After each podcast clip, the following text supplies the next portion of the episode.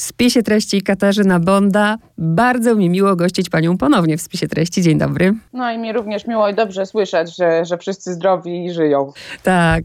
Chociaż no szkoda trochę, że, że nie na żywo, bo pamiętam to nasze spotkanie i bardzo miło je wspominam, no ale jest na razie jak jest. Jeszcze się zobaczymy. Taką mam nadzieję. Powiem, że motyw ukryty to jest, bo zresztą tak jak żeśmy się spotkały przy Miłość leczy rany i tę grubaśną książkę przeczytałam wtedy na raz, a motyw ukryty to jest książka, której nie przeczytałam na raz i chyba nie sądzę, że ją można przeczytać na raz. Musiałam sobie robić przerwy. Pani wtedy powiedziała, że to jest mocna rzecz, jak ostatnio rozmawiałyśmy i naprawdę to jest mocna rzecz. No ja jej nie napisałam na raz, także rozumiem panią doskonale. E, ja wręcz się rozchorowałam. Kilka razy chorowałam przez tą książkę, więc jakby poziom niegodziwości zawarty w tych prawdziwych aktach e, przygniótł mnie, przygniótł mnie y, fizycznie. Jeszcze nie było takiej sytuacji, żebym aż tak padła. Zanim powiemy słuchaczom, co znajdziemy w tej książce, to no, chcę zacząć jednak od, od tego, że napisała ją pani wspólnie z doktorem Bogdanem Lachem, psychologiem śledczym i to nie jest wasza pierwsza wspólna książka, więc muszę zapytać o pana Bogdana o tę współpracę, o tę przyjaźń, mogę tak powiedzieć? Myślę, że to już nie będzie za, na wyrost, dlatego że już y, z Bogdanem też y, jesteśmy na zupełnie innej stopie. E, rozmawiamy oczywiście też i o prywatnym prywatnych sprawach. Bogdan jest niesamowitym człowiekiem, bardzo dobrym człowiekiem i takim bym powiedziała, e, nie tylko doskonałym interlokutorem, ale też takim e, racjonalistą. Ja jestem super emocjonalna, więc to jest taka spotkanie ognia z wodą albo e, ognia z lodem, nie wiem jak to nazwać.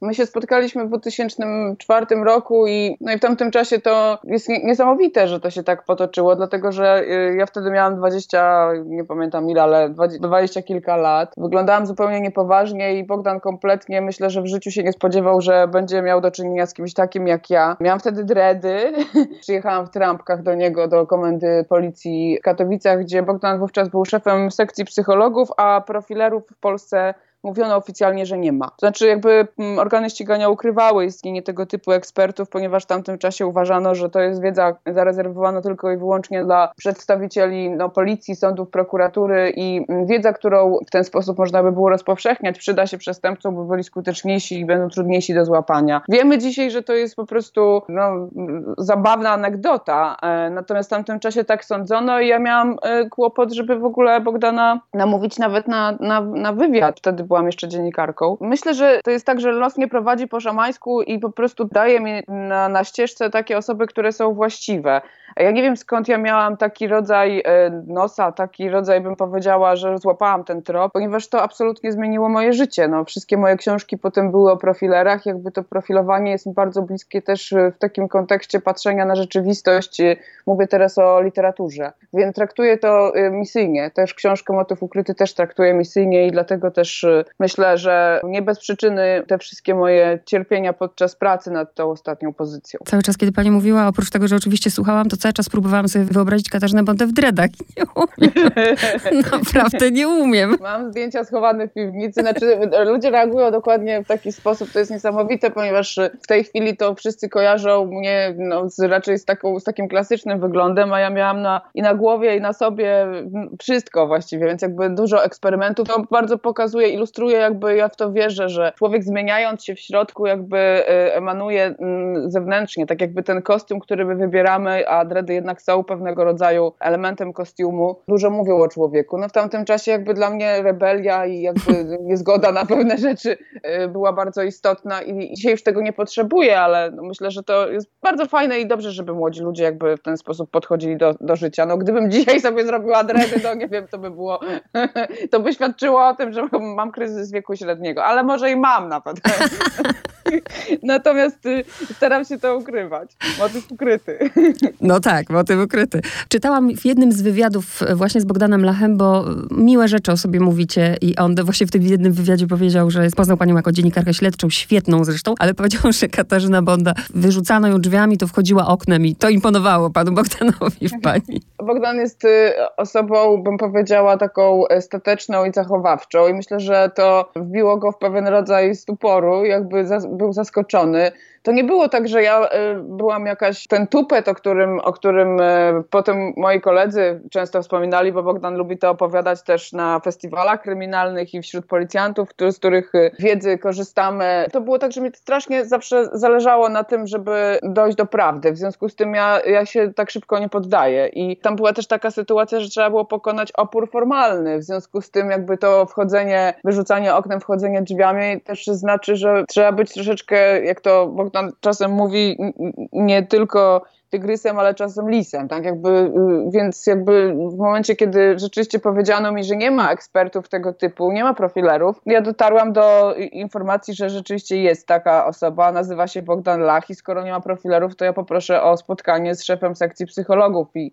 rzeczywiście jako Katarzyna Bonda prywatnie jestem osobą niezwykle y, nieśmiałą i y, bym powiedziała czasem zahukaną, nie, nie potrafię zareagować w sytuacjach takich, które, gdzie normalnie ludzie mają zdolność szybkiej riposty, ale kiedy jestem w dziele, kiedy pracuję, kiedy to są zawodowe sprawy, czy to byłam dziennikarką, czy teraz piszę książki, to jakby to jest taki rodzaj, nie wiem, naturalnego odruchu, że y, nie mam poczucia wstydu, kiedy muszę zdobyć dane, to po prostu ten cel jest najważniejszy. I myślę, że to wypracowane jest przez lata. Po prostu y, ja też tego nawet nie kontroluję. Dzisiaj się śmiejemy bardzo z Bogdanem z tego, ponieważ paradoksalnie Bogdan, y, i wiem to, bo często o tym powtarza, że jakby ta moja, że tak powiem, pewność, że należy pisać o profilowaniu, należy mówić, że należy e, opowiadać ludziom, że to się przełoży też na taką e, wiedzę e, wśród policjantów, co było bardzo ważne w tamtym czasie, ponieważ chodziło o to, żeby być skutecznym, żeby ta wykrywalność rosła, a, a, profil ma ogromne znaczenie. Dzisiaj to już nie jest tylko profil, ale i opinie behawioralne, i typologiczne i cała masa różnego rodzaju ekspertyz, która wykorzystują psychologię śledczą.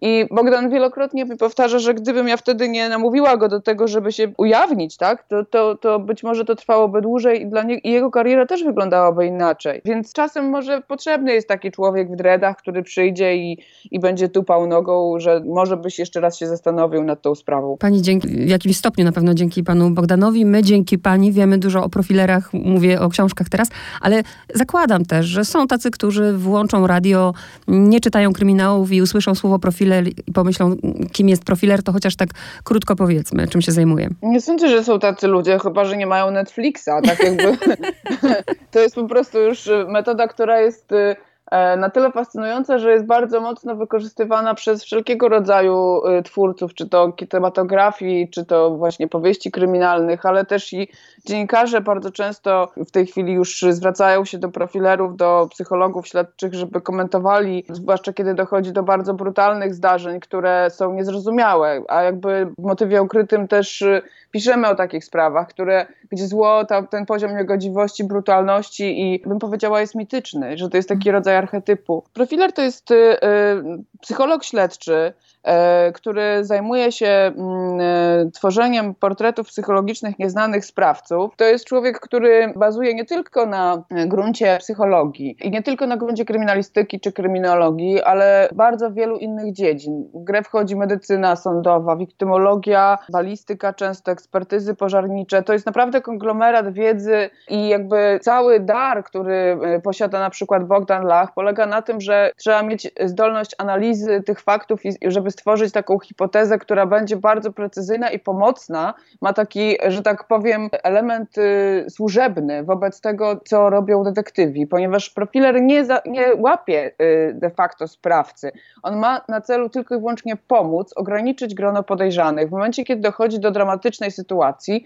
powiedzmy mamy seryjnego przestępcę, dokonał już kilku e, zabójstw. E, e, bardzo możliwe, że tych zabójstw jest jeszcze więcej, ale śledczy którzy pracują w konkretnym regionie, sami nie są w stanie tego odszukać, ponieważ jakby ten tak zwany modus operandi, czy karta wizytowa tego sprawcy jest bardzo zwykle skomplikowana i tylko psycholog śledczy jest w stanie znaleźć takie elementy, które łączą te sprawy. Często w wielu innych y, miejscowościach kraju, a często też i za granicą bo, bo dzisiaj mamy sytuację globalną i w motywie ukrytym też są takie sprawy, które pokazują, że przez to, że my emigrujemy i ci przestępcy też jakby działają na wielu przestrzeniach. I taki ekspert jest w stanie y, przeanalizować te dane w taki sposób, który no, opiera się na śladzie behawioralnym, czyli na śladzie zachowania, który jest niewidoczny. Stąd jakby tytuł też książki, motyw ukryty.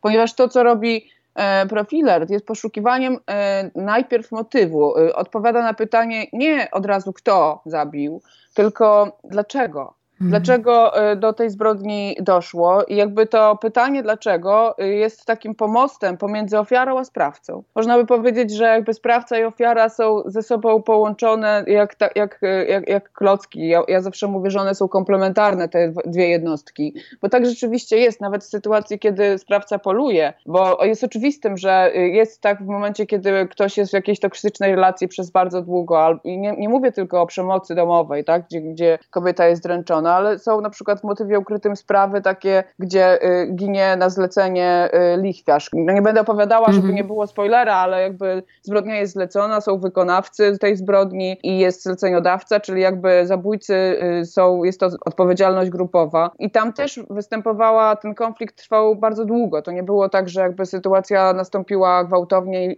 i był afekt. Ale w, w takich sytuacjach, które najbardziej nas fascynują, czyli kiedy sprawca nie zna ofiary, właściwie nie ma połączeń, ponieważ są to, wydawałoby się, przypadkowe osoby.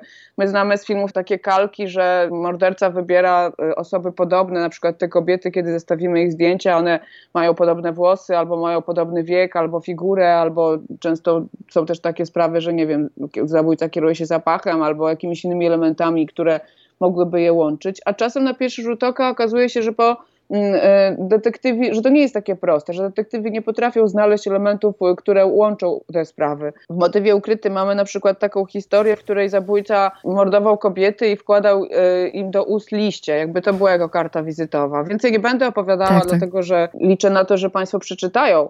Natomiast y, tam jest z kolei historia, która no, y, trzeba było po, przeanalizować jakby y, przebieg ostatnich linii życia tych osób, które zginęły i znaleźć elementy, które mogłyby doprowadzić śledczych do środowiska, w którym ten sprawca funkcjonuje. I to nie było takie proste. Więc jakby psycholog działa w kilku blokach, że tak powiem. Najpierw rzeczywiście bywa na, na oględzinach, czyli bywa na miejscu zdarzenia. No, dla mnie to jest praca, jak podziwiam Bogdana, też szczególnie z tego względu, że jaki trzeba mieć hard ducha, ponieważ praca profilera głównie polega na analizowaniu obrażeń. Mm. Bogdan mówi zawsze, że ciało ofiary jest y, książką, tak. którą należy umieć czytać. Jakby do tego się to sprowadza, że ciosy zadawane sobie też z tego nie zdajemy sprawy i to jest też klucz i od razu odpowiedź na to pytanie, bo często nam zadają takie pytania, czy napisana, napisana książka nie będzie instruktarzem dla sprawców, ponieważ rzeczywiście Bogdan zdradza tam tajniki swojego warsztatu, ale prawda jest taka, że w momencie, kiedy dochodzi do konfliktu i następuje agresja, i następuje eskalacja tej agresji, i sytuacja przebiega dynamicznie,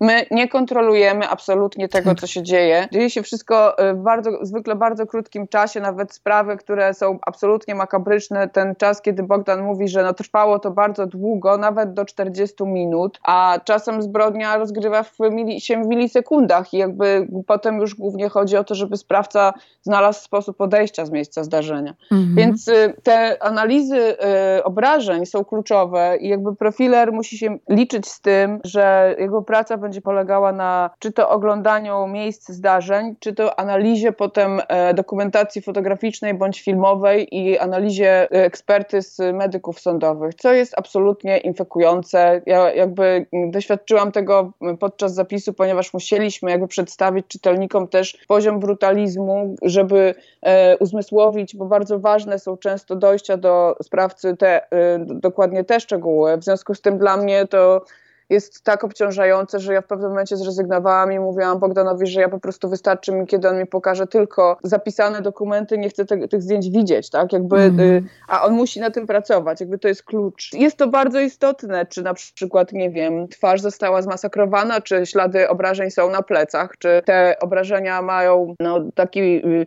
że tak powiem, e, układ, który by wskazywał na to, żeby e, sprawców było jeden, czy było ich kilku. Nie wiem, na przykład jest taka sprawa, sprawa w motywie ukrytym, na podstawie której Bogdan stwierdził, że jest to egzekucja, a jakby przyczynkiem do tego było stwierdzenie, co, prze, co umknęło absolutnie technikom i detektywom, zabrudzone czubki adidasów z ofiary. Jakby no to mhm. są takie detale, które trzeba połączyć z e, tym takim procesem myślowym sprawcy, bo profiler też jakby wchodzi w przestrzeń myślowy zabójcy i analizuje nie tylko dlaczego do tego doszło, ale jak przebiegał ten, no ten makabryczny, to makabryczne wydarzenie. A potem, kiedy, kiedy taki profil powstaje, on jest bardzo precyzyjny. To nie jest tak, że profiler stwierdza, że to jest osoba X czy Y, że mogła pani to zrobić, czy z pani sąsiadka, czy może pani mąż. Jest tak, że tam jest określony przedział wiekowy, określona płeć, mhm. E, określony kwadrat na mapie, gdzie sprawca może mieszkać, bo jest coś takiego, że jest strefa buforowa i strefa, taka strefa bezpieczna dla sprawcy, gdzie on nie atakuje,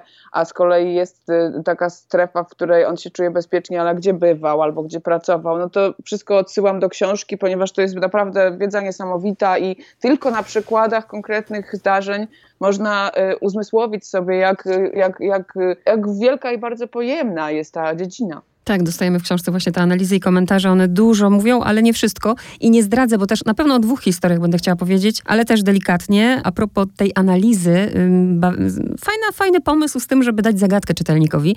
Ja byłam bardzo grzeczna i nie sprawdziłam od razu, tylko przeczytałam. Nie wpadłabym na to. I też nie chcę teraz tu mówić, na jakiej podstawie wpadł tutaj na trop, żeby nie zabrać zabawy czytelnikom, ale bardzo fajny pomysł z tym, żeby właśnie taką zagadkę czytelnikowi e, dać. Chciałam, żeby y, to była bardzo łatwa sprawa. To jest jedna z łatwiejszych spraw, y, ale y, jak zagadką było tak, że my to zrobiliśmy też już w pierwszym tomie, który napisaliśmy razem z Zbrodni Niedoskonałej. W tamtym czasie ja wymyśliłam tą zagadkę, żeby czytelnik mógł wejść w skórę profilera, żeby poczuć się jak y, ekspert, dlatego że my sobie nie zdajemy sprawy, my jesteśmy nastrzyżąknięci taką fabularną papką, kiedy jakby filmowcy nam pokazują, że profiler sobie układa pewien rodzaj jak Sherlock Holmes, takie puzzle i, tych, i nagle one wskakują na miejsce, a chcieliśmy, żeby pokazać, że ta zagadka jest o wiele trudniejsza. Jak pani przeczyta samą zagadkę, to pani dostrzeże, że tam jest właściwie bimbalion detali, mm -hmm. które mogą wpływać na to, że y, poznamy zabój, sprawcę zabójstwa Liliany Pawlik, bo tak nazwaliśmy tą panią, to nie jest nazwisko prawdziwe. Tak. Natomiast y, każdy z tych elementów jest analizowany i musi się łączyć taki, y, bym powiedziała, łańcuch poszlakowy, który doprowadzi profilera do postawienia kilku hipotez. Potem on pracuje na tych hipotezach i wyciąga wnioski. Jak pani już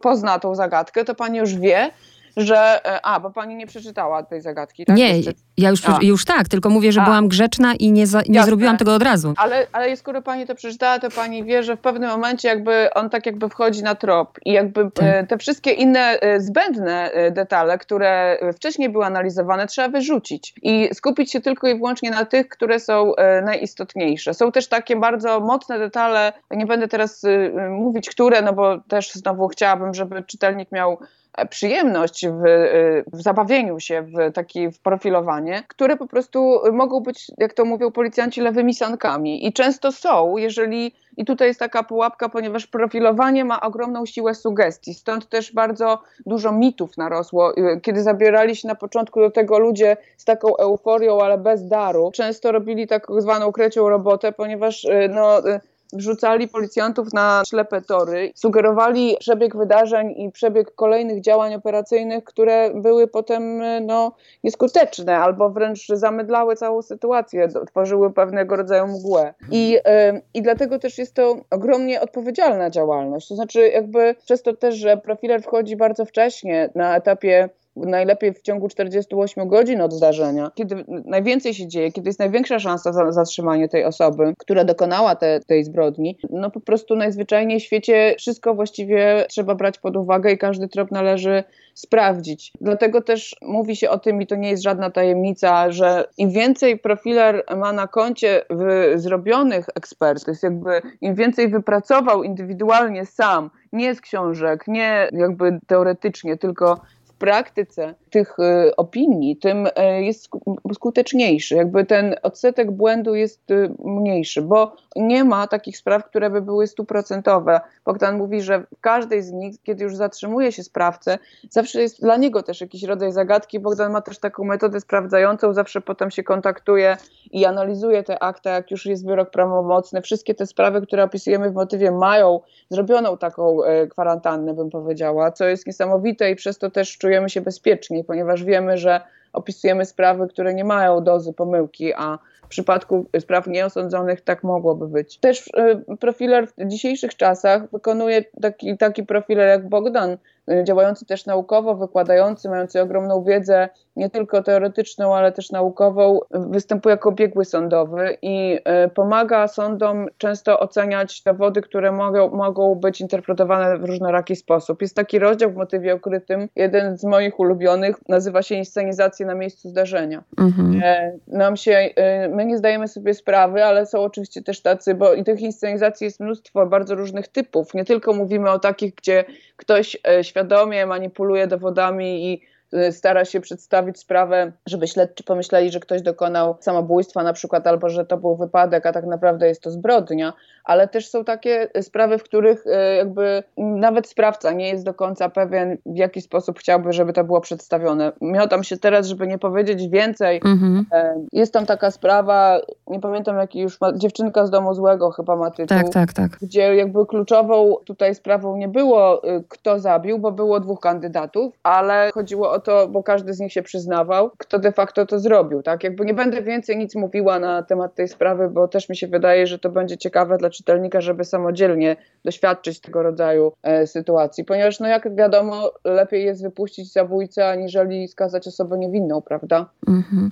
niewinności. A teraz tak, ponieważ ja mam coś takiego w sobie, że interesuję się, teraz przecież jak wyszła ta sprawa w, w Nowym Dworze Gdańskim, tego chłopaka, który poćwiartował dziewczynę, interesują mnie takie rzeczy i pamiętam sprawę, która jest opisana w tej książce. Ja wiem, że takie jest też założenie, że RODO i zmieniacie tutaj dane, ale chcę też zapytać o tą fabularyzację, bo ja pamiętam tę sprawę bardzo dobrze i nawet jej finał, bo czekałam. Chodzi o dziewczynę, która, studentkę psychologii, która y, nie dotarła na egzamin. I mhm, ta sprawa mhm. w rzeczywistości tak. zupełnie ma inny finał, w książce inny. To, I tu właśnie chodzi o to, że są te elementy fabularyzowania, tak? Po pierwsze, pozmienialiśmy te wszystkie dane po to, żeby nie ukrzywdzić nikogo. Jak, jak wiadomo, są to prawdziwe sprawcy, prawdziwe ofiary, ale też wokół tych tych dwóch głównych y, bohaterów y, są też osoby typu rodzina, dzieci, żony, które są niewinne, tak? Więc jakby nie chcemy nikogo ukrzywdzić, miejscowości zostały zmienione. Trudno mi jest się odnieść, ponieważ ja pracowałam na materiale akt, więc ja nie wiem, jak było to przedstawiane w mediach, ale nie zmienialiśmy żadnych takich, za... zmienialiśmy, nie wiem, zawody ludziom, pamiętam. To chyba, że w ogóle w mediach mówili inaczej. Nie wiem na jakim etapie, bo ta sprawa była mm,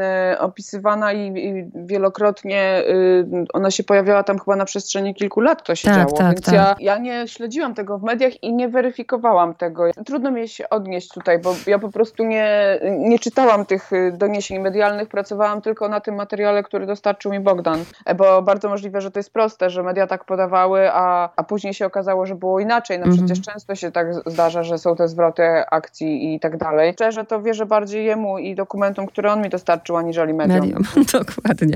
A druga sprawa to też taka, bo też nie możemy mówić, ale to jest historia, której nie potrafiłam, nawet historia, której nie potrafiłam doczytać na raz. I wtedy zupełnie inny wymiar ma tutaj z tyłu to zdanie, że wszystko, o czym przeczytacie w motywie ukrytym, miało miejsce w rzeczywistości, bo o ile wiele sobie jestem w stanie wyobrazić, to e, sprawa molestowania seksualnego w rodzinie i udziału matki mnie przerosła. Tak, tak, to jest jedna ze spraw, które po prostu również mnie przerosły. E, ja, ja ja powiem szczerze, że bardzo wiele z tych spraw, tak naprawdę, kiedy je zapisywałam, to y, myślałam o tym, że żałuję, że one wchodzą do, do książki dokumentalnej, ponieważ one są po prostu doskonałą kanwą na powieść. I dopiero wtedy można było ukazać, y, że tak powiem, postaci y, takiej książki jakby wejściu w tą całą przestrzeń niegodziwości do tego Hadesu, jak to wygląda naprawdę i pokazać ludziom, do czego człowiek jest zdolny, tak, jaką bestią potrafi być, ponieważ dla mnie współsprawcą absolutnym jest y, ta kobieta. No, I ona nigdy, jak pani wie, nie, nie została pociągnięta do odpowiedzialności, mało tego jeszcze kiedy nawet y, sprawca poszedł w końcu do więzienia, ona jeszcze mu pomagała, wynajmowała mu adwokata. Jakby dla mnie to jest poziom, ja, ja nie wiem, to jest, to jest, nie ma chyba takiego, takiego paragrafu, nie ma takiej kary, która, która by to wyczerpywała i nie, nie, ja do końca tego sama nie rozumiem. To też jest tak, że w trakcie zapisu ja po prostu miałam takie poczucie, czasem, że ja nie mogę tego zapisywać, bo gdyby to była fabuła, ja bym miała wpływ jakikolwiek na to, żeby dać szansę tej osobie, albo pomóc ofierze uciec, albo dać jej jakiś rodzaj gratyfikacji, a, albo ukarać tą, która jest, powinna być ukarana, tak? A tutaj, kiedy się zapisuje dokumentalnie, to nie ma się na to wpływu zupełnie, ja musiałam po prostu trzymać się tego, jak to przebiegało. I, i też kolejna rzecz, kiedy to pisałam, to miałam takie poczucie, że to idzie generacyjnie i często y, jakby te dziedziczymy nie tylko te y, przestrzenie biologiczne, wiadomo, ale zachowania, jakby wzorce, ale też y, te patologiczne y, sprawy. I dla mnie absolutną bohaterką w tej historii jest ta najstarsza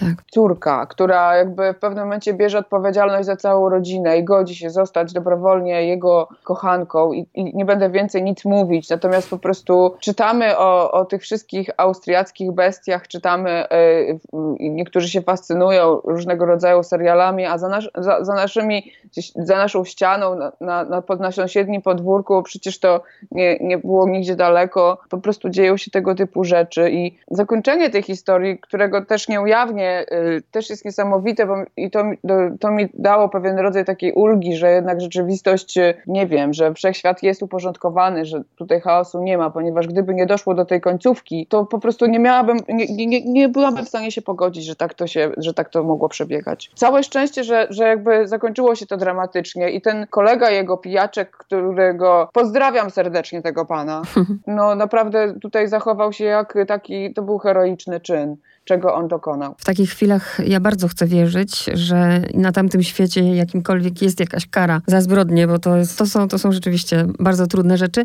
Kawałek świetnego dokumentu, mówię słuchaczom, ale są też tacy, którzy na pewno będą myśleli, no dobra, non-fiction, świetnie, ale kiedy kolejna powieść? No wkrótce, no kończę już ją. Już po prostu kończę i kończę, ale, ale liczę na to, że już niedługo zamknę zapis. Także myślę, że niebawem nie, niebawem będzie na rynku. Koronawirus mi bardzo pomógł, bo się zamknęłam w domu i po prostu pracowałam, żeby nie myśleć o, o, o tym, że zaraz świat się skończy. A też pani wspomniała, mm, dwa ostatnie pytania, yy, wspomniała o misyjności, jeżeli chodzi o pisanie tej książki. Właśnie, ja miałam taką myśl, ale to już żeśmy sobie wyjaśniły, nie? Bo była taka myśl, yy, będą kupować to psychopaci i będą szukali tutaj dla siebie wiedzy. Yy, a ta misja polega na? No to jest tak, że mm, ja właściwie nie planowałam takiej książki dokumentalnej, wiedziałam też, że I już na starcie wiedziałam, już po pierwszych spotkaniach z Bogdanem wiedziałam, że to mnie przygniecie, bo ja już się rozchorowałam po, pierwszym, po pierwszej takiej naszej sesji, kiedy po przeczytaniu akt spotkaliśmy się, kiedy ja przesłuchiwałam Bogdana. I, i wtedy po prostu po czterech dniach takiej pracy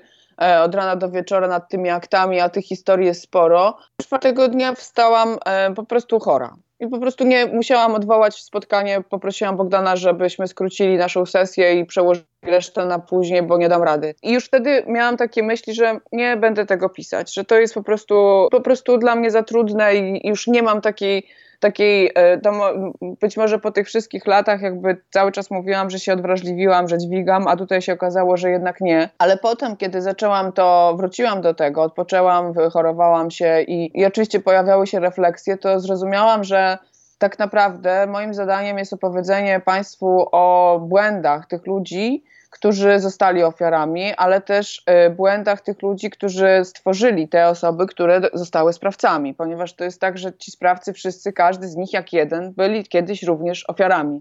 I jakby to, co łączy ofiary i, i sprawców, to jest poczucie lęku. Czyli ten lęk, oni się na tej, y, y, jakby rozpoznają, to tak jak psy na węch, no to te osoby za pomocą takich niewidzialnych właściwie to jest absolutnie metafizyczne. I kiedy to pojęłam, zrozumiałam, że tak naprawdę bardzo możliwe, że wiele osób funkcjonuje w jakichś toksycznych relacjach i te spirale się nakręcają i być może y, kiedy ta książka wpadnie w ręce takim osobom, które żyją w takim strachu, bo nie mówię tylko o sytuacjach krytycznych, gdzie mamy do czynienia z przemocą fizyczną, ale często to jest tak, taka toksyczna relacja i przemoc psychiczna, która potem dopiero przyjmuje, że tak powiem, formę agresji, która, która jest w postaci sieniaków, połamanych żeber i, i, i rozbitych nosów. I zrozumiałam, że moim zadaniem jest napisanie tej książki, bo być może ktoś odmieni swoje życie.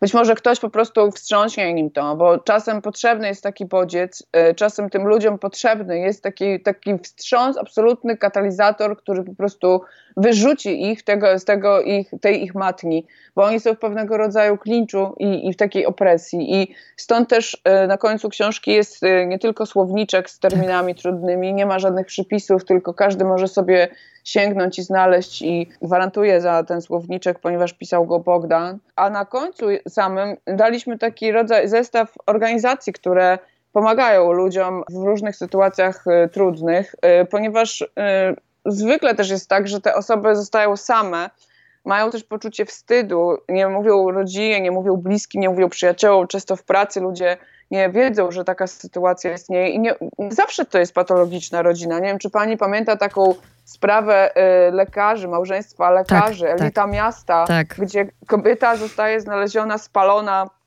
do, nastąpił Holokaust, ona żywcem y, spłonęła w, y, w, samochodzie. Więcej nic nie powiem, tak? Jakby, ale to nie była sytuacja, w której e, po pierwsze dochodziło do e, agresji brutalnej, a po drugie by, byli to ludzie niezwykle wykształceni, majętni, eleganccy, z, z, z gustem, kunsztownie mieszkający i tak dalej, i tak dalej. Jakby, a, a, ale jak się zbliżyć, jak wejść głębiej w tą przestrzeń, ten, ta, ten problem, który oni mieli, właściwie z, dla innych ludzi, którzy są w zdrowych relacjach, byłby banalny, a w ich przypadku doprowadził do kataklizmu. Tak? Więc jakby e, i bardzo możliwe, że i też wiem, że tak jest, dlatego że już napisałam dwie takie książki.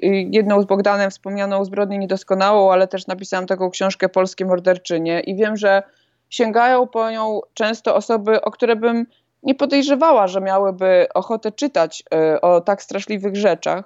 E, też piszą do mnie ludzie, że, że te książki jakby ratują ich z takiej przestrzeni samotności. I wtedy patrząc na e, losy bohaterów, czy to fikcyjnych, czy to prawdziwych, człowiek często zyskuje dystans i jakby zaczyna widzieć swoje życie y, z innego punktu widzenia, jakby percepcja się zmienia.